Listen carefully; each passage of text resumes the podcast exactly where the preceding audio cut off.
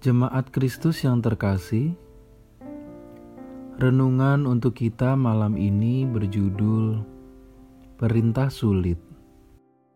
Dan bacaan kita diambil dari kitab Matius 5 ayatnya yang ke-44 hingga ayatnya yang ke-48. Demikian firman Tuhan. Tetapi aku berkata kepadamu, Kasihilah musuhmu dan berdoalah bagi mereka yang menganiaya kamu. Karena dengan demikian, kamu menjadi anak-anak Bapamu yang di surga, yang menerbitkan matahari bagi orang yang jahat dan orang yang baik, dan menurunkan hujan bagi orang yang benar dan orang yang tidak benar.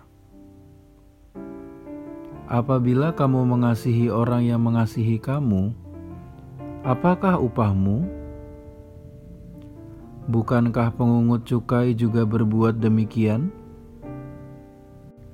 Dan apabila kamu hanya memberi salam kepada saudara-saudaramu saja, apakah lebihnya daripada perbuatan orang lain? Bukankah orang yang tidak mengenal Allah pun berbuat demikian? Karena itu, haruslah kamu sempurna, sama seperti Bapamu yang di surga adalah sempurna.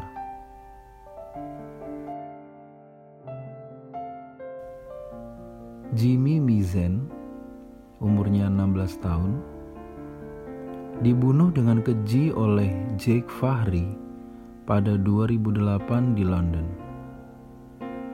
Ibu Jimmy berkata, "Saya hanya ingin berkata pada orang tua anak itu, saya merasa kasihan kepada mereka.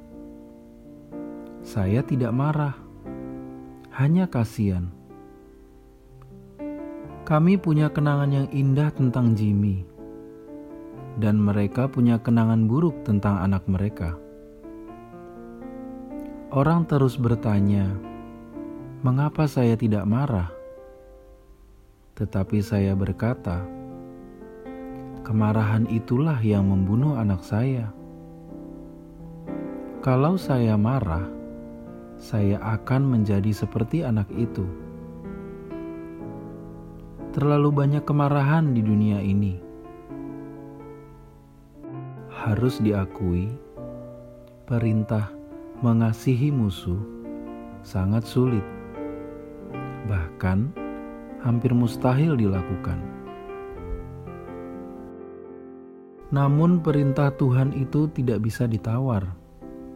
Dalam khotbah di bukit, Tuhan Yesus mengajar orang banyak untuk mengasihi musuh dan berdoa bagi mereka yang menganiaya kita. Rasul Paulus pun menegaskan agar tidak membalas kejahatan dengan kejahatan, tetapi melakukan kebaikan bagi semua orang. Kita harus mengampuni orang lain, sebab kita sudah diampuni olehnya.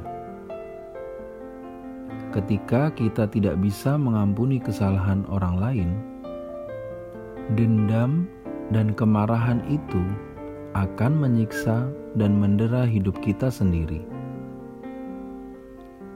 Ketika kita bisa mengampuni, barulah kita terlepas dari siksaan itu. Kita belajar mengasihi orang yang sudah merugikan, mencelakakan, menyakiti kita. Orang-orang yang sepertinya tidak mungkin dikasihi dengan mendoakannya kita berusaha mengerti mengapa ia bersikap dan bertindak seperti itu, dan berdoa bagi kesejahteraannya. Hanya oleh karena iman, mengampuni itu memang berat, tetapi mendatangkan berkat. Mengampuni itu memang tidak mudah, tetapi selalu indah. Demikianlah renungan malam ini. Semoga damai sejahtera dari Tuhan Yesus Kristus tetap memenuhi hati dan pikiran kita. Amin. Jemaat yang terkasih, mari kita bersatu hati menaikkan pokok-pokok doa yang ada di dalam gerakan doa 21 GKI Sarua Indah. Mari berdoa.